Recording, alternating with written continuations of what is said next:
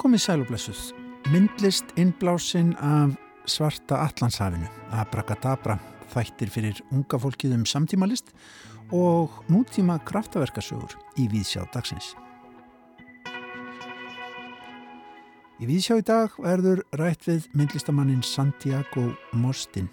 Hann býr og starfar í Stokkólmi en verkans má nú sjá á forvittnilegri síningu sem opnið var í gerðarsafni í Kópavói um helgina. Santiago fættist í San Francisco og hefur búið bæði í Afríku og í Karabæjahafinu og er innblásin í verkum sínum af menningarströymum begja vegna hins svarta Allandsafs.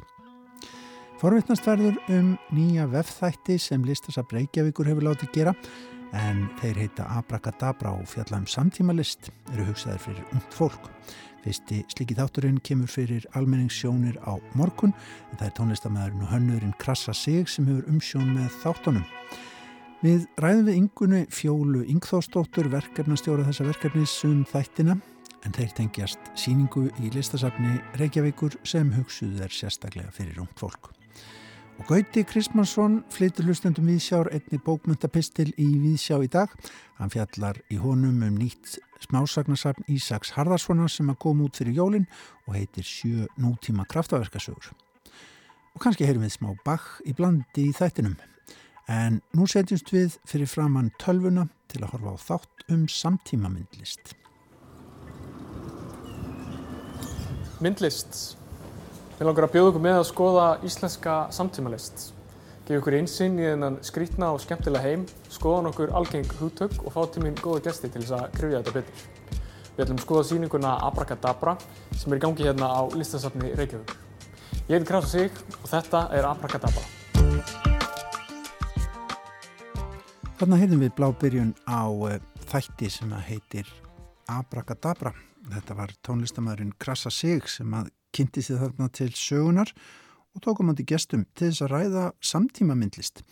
Þetta er fyrsti þáttur af nokkrum sem að listasap Reykjavíkur setur í loftið um samtíma myndlist. Sá fyrsti byrtist á heimasíðu sapsins á morgun. Við við sjá fengum hann sendan til þess að lefa ykkur að heyra aðeins ljómin að þessu ágættur hlustendur. Á línunni er Ingun Fjóla Ingþórsdóttir, myndlistamæður. Hún er verkefnastjóri þessa verkefnis sem að tengist síningu sem að hefur verið í sapninu undanfarna mánuði og heitir þetta Abracadabra, töfrar samtímalistar.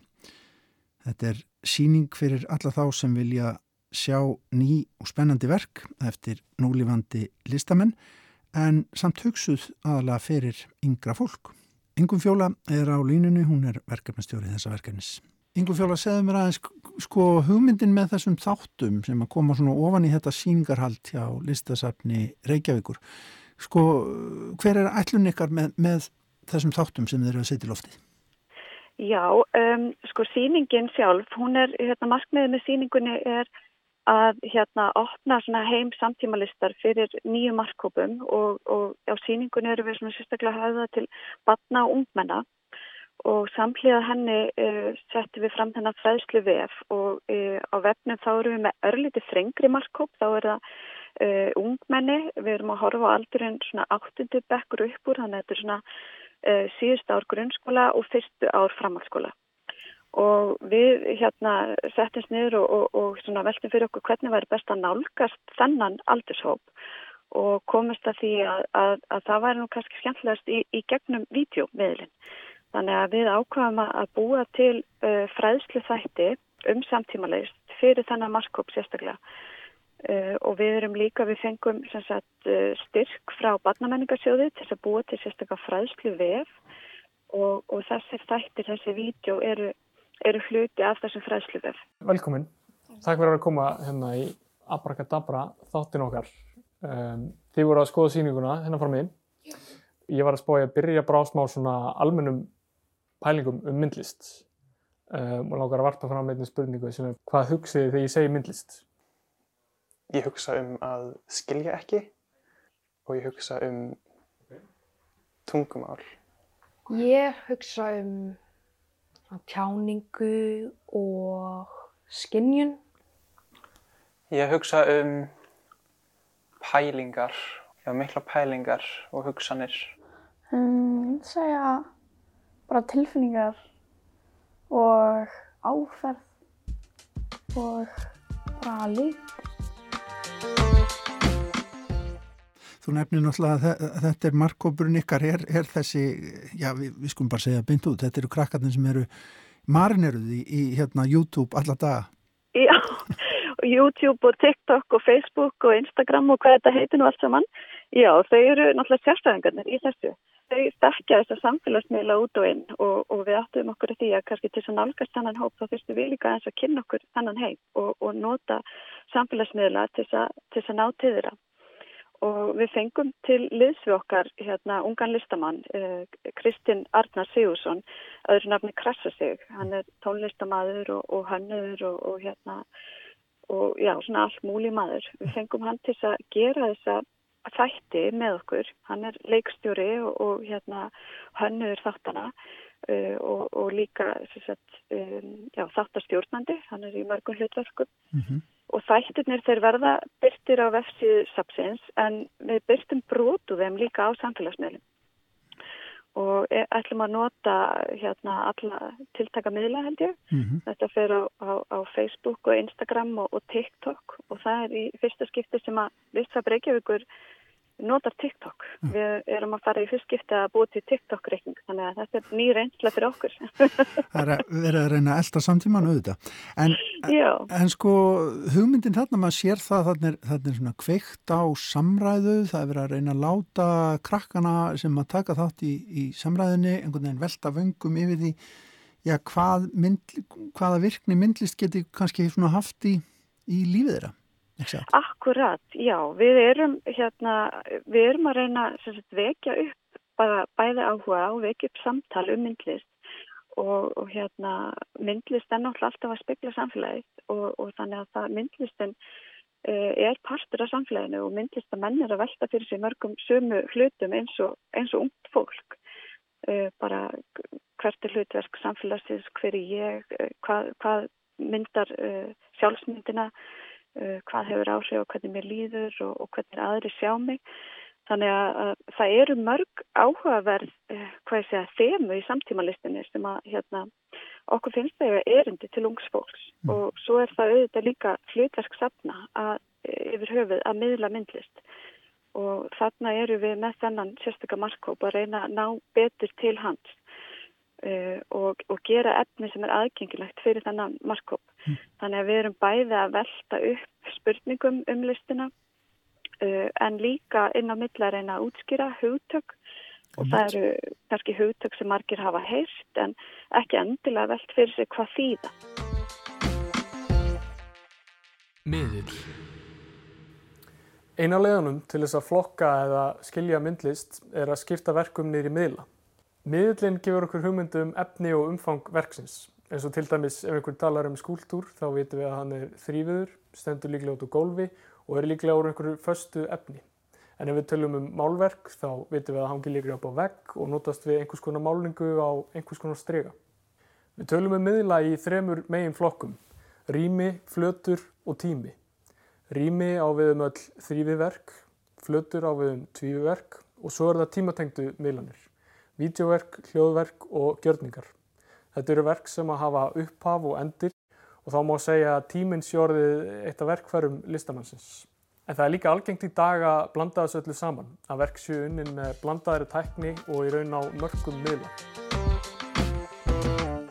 Já, maður bara verður var við að sjálfur hér í miðlun myndlistar í útvarpi sem sumum finnst nú förðulegt reyndar að gera mikið af að, að, hérna, að, að inn á milli þá er fólk sem klóra sér aðeins í höfni yfir hugdaganótkun. Já, akkurat og við höfum hérna reykja okkur að það að það er ekki mikið efni aðgengilegt um, á íslensku. Það er ekki mikið frambóð á efni um, um samtíma myndlist á íslensku á mefnum. Og sjálf er ég, uh, á ég 17 ára strák og, og hann hefur áhuga á list og hefur stundi verið að skrifa reykjariðir og, og, og þau nota mikið, hérna þessi krakkar, þessi aldur nota mikið neti til þess að afla sér heimilda og leitað upplýsingum og þau grípa svolítið í tómt varandi það að finna efni á íslensku. Þau finna mikið á ennsku, það eru fullt af góðum síðum með efni um list á ennsku og alls konar útskýringar uh, eins og Tate Kids er með mjög góðan vef, uh, Tate safnið með mjög góðan vef með alls konar upplýsingum og svo auðvitað bara vefur eins og Britannica og fleiri sem maður getur leitað í til að finna útskýringar og hugtökum. En það er ekki mikið að finna á íslensku þannig að þau eru ofta að lesa sér til á ennsku og svo sjálfarinn að koma því yfir á íslensku í rítgerðin. Mm. Þannig að, að þeirra svona tungutak er oft svolítið uh, ennsku sleið. Þannig að áherslan hjá okkur til að byrja með er á að hafa vefin á íslensku og allt efna á íslensku og hafa þetta á, á sko vönduð máli en samt aðgengilega. Svo hlýtur náttúrulega að vera stuðningur í þessu fólkin fyrir já, myndlista kennslu og, og, og pælingar í skólum bara við um land. Akkurat, það er einmitt líka það sem við höfum í huga að, að þetta getur nýst kennurum uh, myndlistakennurum í, í grunnskólum og framhaldsskólum og hérna þannig að ég vona þau takki vel í þetta og takki vel á mótið þessu. Fyrsti þáttur fyrir loftið á vefnum hjá ykkur á morgun listasabreikjavíkur.is og þá eh, ger ég ráð fyrir með ymsum öðrum leiðum. Eh, hvert er síðan framaldi? Hvað er þetta margir þættir eða slíkt? Já, þetta eru fimm þættir og það verður byrstur eitt þáttur á viku. Við ætlum að byrsta þættin alltaf stríðitum uh, á vef listasapsins og, hérna, og síðan byrstum við brot á samfélagsmiðlum og, og þannig að þetta verður vikulega í fimm vikur. Spennandi, hljóma vel já. og lítur og, vel út líka. Uh, ég er nú búin að fá að kíkja aðeins í, í pakkan. já, eh, takk fyrir það já. og hérna, já, gaman að heyra og svo er þetta búin að frábært samstarf við hann Kristinn Arnars Krassastig sem að hérna uh, á, hérna, já.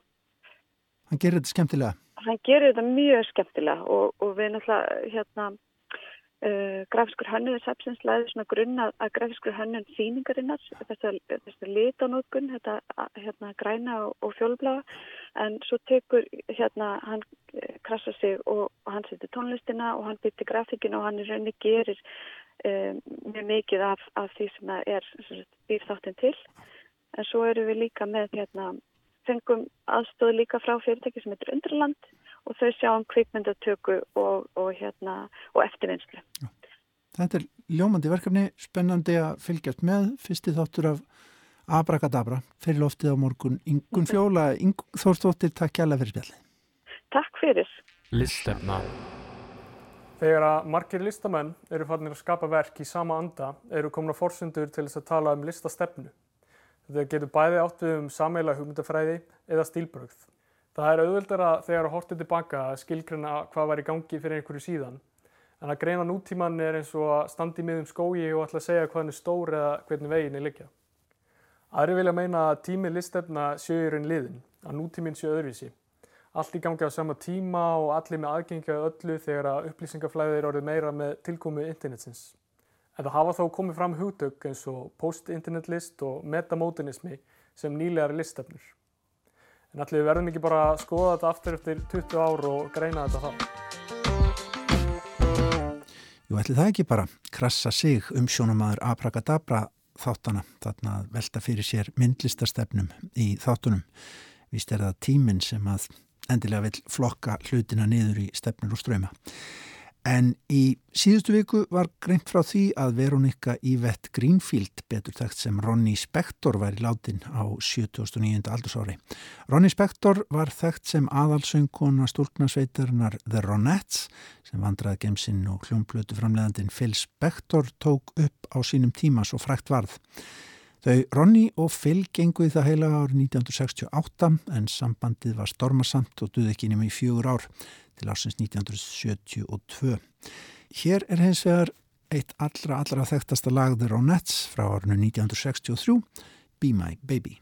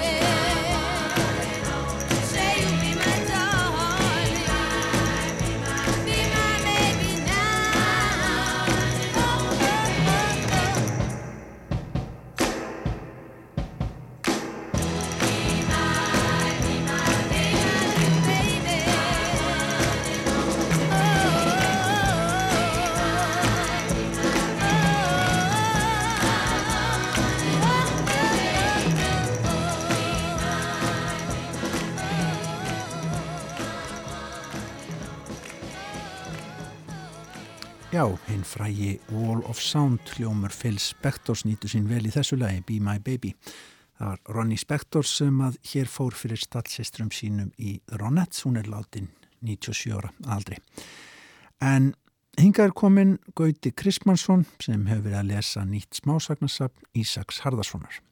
Jarteinasögur eða kraftaverkasögur dýrlinga og annara guðsmanna voru nokkuð algengar í katólskum sið á miðöldum, meira sé hér á landi. Bókmyndagreinin Súef sem að kalla er raunar ennþá til og hefur verið í gegnum aldir á ýmsu formi og búast líka sögur yfir einhverjum yfirnáttúrulegum þætti sem kraftaverkið er. Ísak Harðarsson hefur nú sendt frá sér smásagnarsapn sem hefur undirtitilinn Sjö nútíma kraftaverkasögur og það má vissulega finna í þeim Ímis kraftaverk þótt þau séu talsvert öðruvísi en þau sem frá er greint í dýrlingasögum. Enda eru söguhetjur þessara sagna fæstir nokkri dýrlingar, nema ef væri sögukona titilsögunar sem reyndar veriðst koma fyrir í tveimur öðrum, efnafn má marka. Svo eru þessar sögur líkari allegoríum, táknsögum sem segja eitthvað annað en yfirborð þeirra gefur í skinn. Bókin hefst á sögunni Kvöld í heimsrústum og er dálítið dölafullt saga af tveimur gamalmennum í kjallara sem er að verða vittlus á einhverjum spekli gluggagægis sem er á sveimi utan við kjallaraglugga hjá þeim. Það er ekki fyrir undir lokin að lesandin fær frekar í botni þessa sögu. En við taka mjög áhugaverðarsögur, írónískar, grátbráslegar, kimnar og leftrand af hugarflugi höfundar. Kraftaverkasögur sem koma óvart í sífellu, en eru samt einhvern veginn röggréttar. Svo fyrsta, óp samanburðarmálfræðingsins er úthugsuð þar sem við fáum insinn í einmannaleika og þrámanesku eftir tengslum þrátt fyrir allt en þetta er manneskja sem setur sér það markmið að tengjast engum. Eins og fleiri sögur í þessari bók lýsir hún gríðara vel hvernig maðurinn er fangið sjálfsín og tilvista sinnar og að skilgreiningin á frelsi er afstæð eftir sjónarhóli hvers og eins. Og það má segja að klímaksið með tölni pí sé óborganlegt skálda skupp. Óp samanbörðar málfræðingsins er því afar órætt en táknar um leið á einhvern hátt auðskildasta grundvallaratriði tilverunar. Sagan Aksubab segir frá ungum dreng sem egnast lítinn páagögg, undulata, fuggli búri sem fær hann til að hugsa um tilvist hans í því búri og færir honum síðan kvennfugl sem er allt öðruvísinn hann, upprifinn, kraftmikil og dálitil frekja. Og kraftaverkið í sögunni opnar auðu drengsins enn frekar fyrir einhvers konar frelsi og írónían fælst í lokum sögunar en erfitt er að rekja söguþráðin beinlýnis að þess að spilla fyrir sögunum. Svo hlustendur verða að láta sér að næja svona kryptíska lýsingar og fara svo að lesa. Einar Alheimsins er fjörðarsagan og segir frá hlauparannum Einari sem er að hlaupa eftir haminginni með stórum staf. Algjörlega grímulegs allegoria en afar vel byggð með kosmískum tilvísunum sem opna nýjar vittir og ætti að vekja margar lesendur til umhugsunar. Ef ekki um lífskeðakaplöpið bókstaflega þá að minnstakostum tilgang lífsins sem er ekki svo lítið í einni smásögu. Byggingsögunar eða öll heldur framvinda er aðdánaverði einfaldleika sínum og krafti. Sögurnar tengist ekkit innbyrðis nefn í gegnum hinn stóru þemu tilverunar sem tæft hefur verið á hér á undan. Sjónarhóttnin eru mörg og hugmyndaríkið er mikið. Samt er eins og einhverja glefsur séu fengnar á veruleikanum, veruleika einhvers eða einhverja. Saminuðu þjóðurnar, bláprent, er raunsæslega sögð saga en er á sama tíma algjörlega annarleg og hún leiðir sögumannin borgarskipulagsfræðingin Hamlet og Ófelíu hans inn í aðra vít. Á stuttum kapla er samt eins og einhver rithöfundur hafi fundið þessa Ófelíu þegar hún hjólaði hjá á hrísategnum. En stílþrif höfundar og heimsbyggileg sín kemur vel fram í einu dæmi úr þessari sögu. Langri málskrein þar sem sögumadur, akandi á bíl á Granda, velti fyrir sér skilum á ímyndun og veruleika. Tilvittun hefst. Þá er þetta blessunarlega óáberandi ökumadur og eiginlega ekki raunverulegur. Heldur miklu fremur eins konar teikning eða uppkastað mannveru og þannig finnst mér gott að hugsa mér heiminn. Sem teikningu, bláprent, uppdrátt, drögað heimi. Því þegar lífið er þannig þá eru allir hlutir mögulegir. Ekkert er orðið sem ekki er hægt að taka aftur. Allt er í upphafi sínu, rétt eins og í öndverðu þegar það var ný hugsun í huga Guðus. Hreint, tært, næstum glært og alls ómengað af sjálfu sér, tilvitin líkur. Írónían um ómöguleika hins mögulega skín í gegn, en það er útópía sögumannsins og kannski verður hún að veruleika í lóksögunar, það væri vissulega kraftaverk.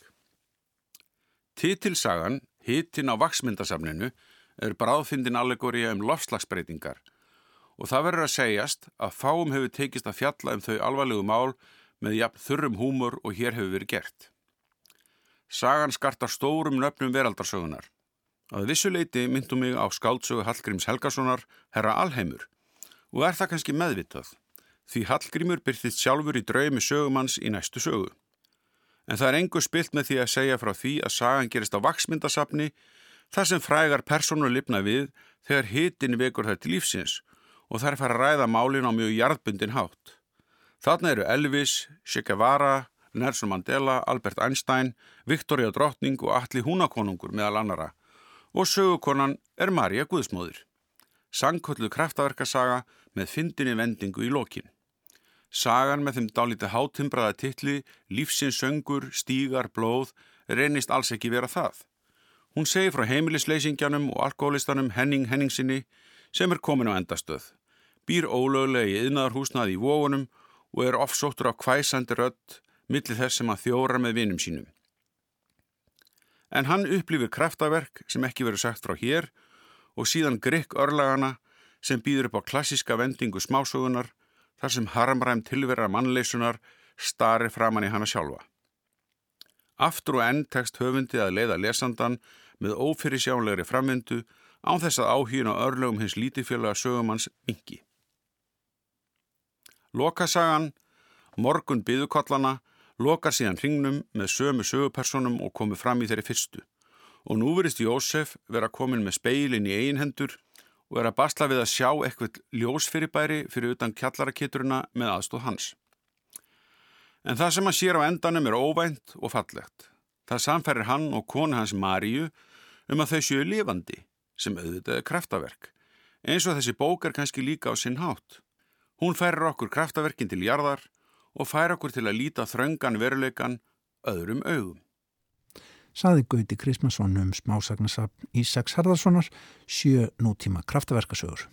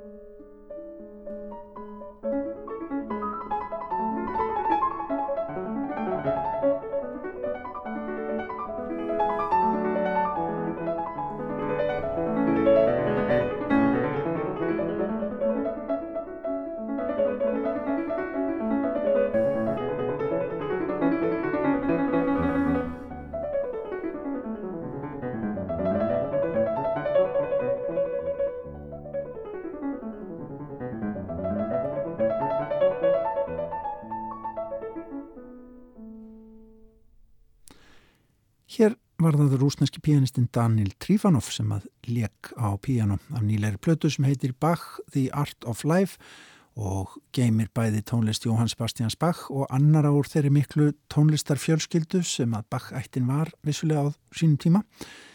Þetta var kaplegur einn af sónutum Jóhanns Kristjáns Bach sem var áttundabarn Jóhann Sebastians.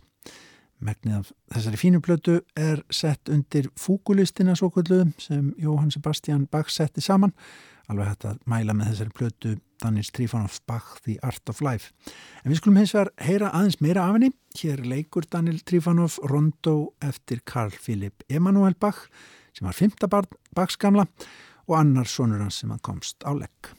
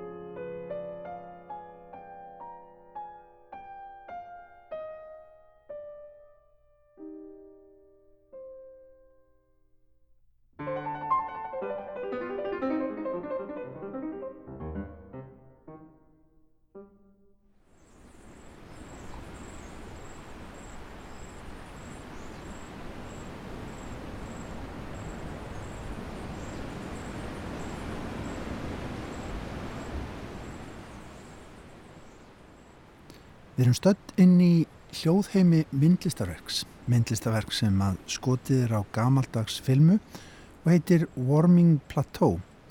Það er meðal verka á nýri síningu sem opnum var um helgina í gerðarsafni í Kópavogi með verkum listamanns, ungs manns sem heitir I'm Santiago Mostin and I'm an artist based in Stockholm, Sweden. Já, Santiago Mostin býr í Stokkólmi í Svíþjóð og starfa þar að verkum sínum en rætur hans liggja lengra og talsvert víðar en svo. Santiago sínir í gerðarsafni nýja innsetningu með ljósmyndum og vídeoverkum. Sýningin heitir 0818 Past Perfect, nánar að teitlinum síðar hér í spjallokkar viðan. Ljósmyndir eru eins og grunnur í verkum Santiagos. I make installations which are based on uh, photographs and often include uh, moving image work, videos, films, and sometimes sculptural elements. En þó ljósmyndin sé grunnur allar myndhugsunar listamannsins nýtir hann sér fleiri miðla, lifandi myndir og leitar líka í skúltúrin til að styðja við framsetningu á verkum sínum. En það sem að vekur fyrst aðtegli gestsins, hér talar, er grænleitt undirlag, pappir sem að hangir á vegnum og ljósmyndir í römmum eru síðan hengdar ofan á. What we are seeing here is actually um, a photographic process in, in the making. Uh, these walls are strips of watercolor paper that have been prepared with cyanotype chemicals and an additional copper sulfate. And over the course of several days, they're going to shift from this light lime green to a dark bluish uh, grey color. Hér sjáum við í raun ferli sem er náskilt ljósmyndinni. Hér er í rauninni framköllun í gangi, segir Santiago. Á vegnum hanga renningar af vastlita pappir sem hafa verið vættir með cyanotype efnum, svipuðum þeim og upphaflega voru notaðar í svo kalluðum blueprint tekningum til dæmis af verkfræðingum snem á 20. öldinni. Með þessu er síðan koparsúlfíð sem að framkallar græna litin en á síningatímanum mun liturinn breytast úr þessum ljós límunu græna lit og yfir í dekkri og blágrárri tóna. Þetta er fyrsta svona tilhörnum mín á svona stórum skala, segir Santiago, spentur fyrir framann vekkin. This is the first time that I'm doing it at this scale and within an exhibition context, so it's a first, it's exciting. Santiago Moistin segist alltaf orðaða svo að bakgrunnu sinn í listum komi úr heimi ljósmyndarinnar. I always say that my background is in photography. That's what I studied when I did my bachelor's. And I work in a kind of expanded photographic process. So I'm always thinking about images and how they operate in the world. Um, but I, I wouldn't consider myself a photographer necessarily. Ég líta verkminn sem eins konar uppstækkun á ljósmyndaferlinu, segir Santiago Mostin. Ég er alltaf að velta fyrir mér virkni myndarinnar í veröldinni, en ég líti ekki á mig sem eiginlega ljósmyndara samt. Á síningunni gerðarsafni er ein stór ljósmynd, ábyrjandi á síningunni lit ljósmynd af rauðu tré. Í ljóskemur að myndin er tilengun til annars listamanns. There's one large uh, image in the exhibition, a large photographic image, which is called Red Tree for Zoe Leonard. Zoe, Zoe Leonard is an American conceptual artist and photographer who has um, written and uh, made images quite broadly and with great success over since the since the 1980s. She's based in New York, and um, yeah, there's a big inspiration. And it's a photograph that I made in Louisiana, actually, in the swamps close outside of New Orleans. And it's somehow a, a tribute to a photograph that Zoe Leonard um, made in Alaska uh, when she was in, you know, living there for several months uh, many years ago. Myndin af rauðatrénu er til einhver bandarísku myndlistakonunni Zoe Leonard sem hefur haft mikil áhrif á Santiago með verkum sínum. Zoe Leonard er velþægt listakona sem hefur starfað eftir svipuðum brautum og listamæðun ungi með ljósmyndina sem eins konar grunn í allir sinni myndtöksun. Myndin er tekin ekki svo fjarrri New Orleans en er samt innblásin og tengist ljósmynd sem að Zoe Leonard gerði á allt öðrum stað í bandaríkjánum í Alaska fyrir mörgum árum.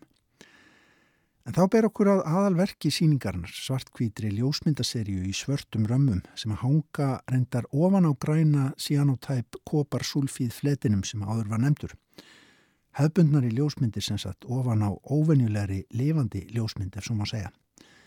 Þetta er engum portréttverk af þeildökku fólki en þó ekki bara, líka óræðari myndir. Þetta er verkið sem að gefur síningunni nafn sem satt ljósmyndaröð sem að heitir Past Perfect. So these uh, photographs are a series called um, 08 to 18 Past Perfect. And they're photographs made in, you know, various locations, mostly in the global south where I grew up, so they're places that have a personal significance to me. Um, the pictures are made in Zimbabwe, in Trinidad and Tobago, in Grenada, and in the United States mostly. Um, some from New Orleans, some from Miami. And uh, for the most part, I'm, I'm, when I was making pictures, I was thinking about the connections culturally between people who live in these uh, places along the Black Atlantic, part of the uh, African diaspora. And there's quite a lot of uh, portraits or images of bodies and people uh, mixed in with the landscapes. And um, I'm always fascinated by how people present themselves to a camera or sort of show themselves and how that might be similar or different in these two spa- uh, cultural spaces which are so connected Africa and uh, the Caribbean. Þetta eru myndir teknar í söðrinu, segir Santiago, á stöðum sem að tengjast sögum mín sjálfs, uppvexti og fjölskyttu söguminni, engum í Trinidad og Tobago og Grenada í Karabíahafinu, söðuríkjum Bandaríkjana og Zimbabwe í Afriku. Menningarlegar tengingar millir landa voru mér huglegar þegar ég var að vinna þessari ljósmyndaröð. Þeir menningarströyma sem ganga þvert yfir svarta allanshafið. Þetta er því blanda af mannamyndum, landslægi og stemningum sem segja til um þessi menningar áhrif millir heimsálfa. Ég hef alltaf verið heitlaður af því hvernig venjulegt fólk situr fyrir við ljósmyndatöku, hvernig það byrtir sig einhvern veginn frammi fyrir ljósmyndaranum. Munurinn millir þessara ólíku en samt líku og tengdu menningarsvæða, Afríku og Karabíahafsins, heitla mig líka. Og sumar af fyrirsætunum þekkir Santiago, þar er til dæmis fjölskyldu vinir. Aðra hefur hann bara hitt á ferðum sínum. It's a mix of the the pictures have a mix of people who I've just met and then people that I know personally. I mean, for example, there's one picture of a young girl here who's holding a puppy, and that's in the house of a family friend, and that's the the granddaughter of the family friends I was visiting in Zimbabwe. En hver er saga Santiagos sjálfs? I was born in San Francisco, um, but my parents uh, moved with me when I was just after I was born to Grenada and then eventually to Zimbabwe. Okay. And then after that, we lived in Trinidad in the Caribbean. So I, I, I have a background which uh, connects, I suppose, both sides of the Black Atlantic. Jú, ég er fættur í San Francisco í Kaliforníu en skömmu síðar fluttust fóreldra mínir með mig til Grenada í Karabíahafinu og síðar áfram til Zimbabwe í Afriku og loks aftur til Trinidad í Karabíahafinu. Þannig að mín saga tengist báðum þessum ströndum hins svarta allansafs og ég vildi reyna átta með á hugmyndinni um það að vera heima, að tilheyra einhverjum stað og vegna þessara leitar þá fór ég í listina. And um, a big reason why I went into art practice to begin with was in order to try and make sense of what feels like home, what, what the connections are between these places where I both feel like I belong, but I also am an outsider at the same time.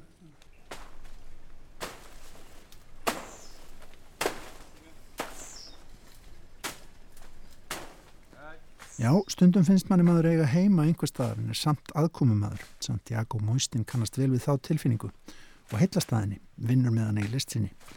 En eru verkinn þá alltaf persónleg í eðli sínu? I would say my work is based in the grey space between the personal and the political. And it, it operates in different ways, both in the fact that I'm looking at um, macrocosmic phenomena in terms of the, the, the black diaspora, um, you know, global politics, but at the same time making quite intimate photographs and video works um, about certain individuals who exist within this space.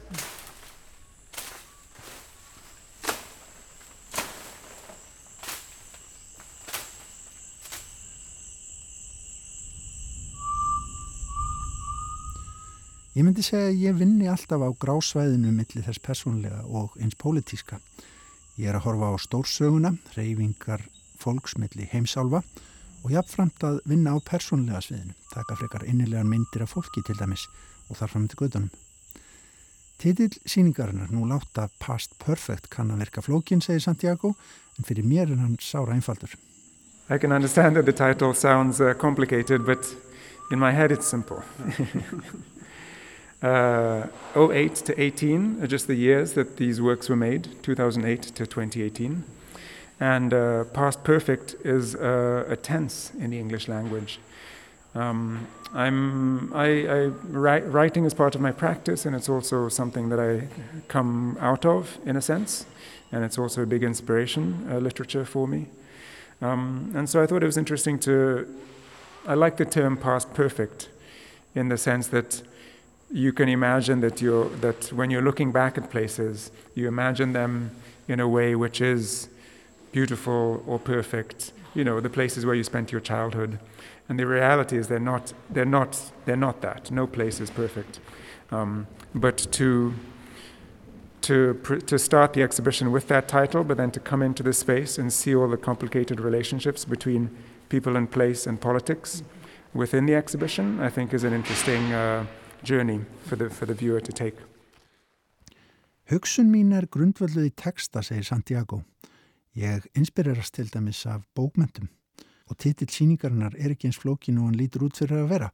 08 átján eru einfallega árin sem ég notaði í að taka myndirnar í þessa sériu 2008 til 2018 og Past Perfect er málfræði hugtak á einsku, það sem heitir upp á íslensku þáliðin tíð.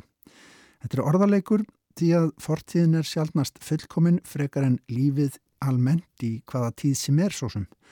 Fólk horfir samt til fortíðarinnar oftar en ekki með fortíðar þrá í huga og ímyndar sér að þá hafi allt verið betra. En með því að skoða þetta með persónlegum, sögulegum og pólitískum vingli er ég að reyna að bjóða fram spennandi ferðalag fyrir áhórandan, segir Santiago. Og með því að hengja myndirnar á grænt ljósnamt undirleið er listamæðurinn að reyna að kalla fram tilfinningu fyrir tveimur ólíkum stöðum eða mörgum mjömbel, löndunum sikkur megin við Allandshafið og Kópavói því að ljósið þar virkar vissulega á grænalitin sem verður blágrár meðan á síningatímanum stendur. You know, I was thinking of two different ways of depicting place. The first one, which is a more traditional way of depicting these different uh, uh, locations, but then it's also a photographic gesture to prepare this, uh, these walls with this photographic uh, chemical and leave them to be exposed to the light here in Iceland. Mm-hmm. Almost a gesture of registering that this is the place where this work from this other part of the world is being shown, and perhaps starting to consider some kind of connection between this island here, the island where I grew up, and yeah, how all of our stories can be intertwined.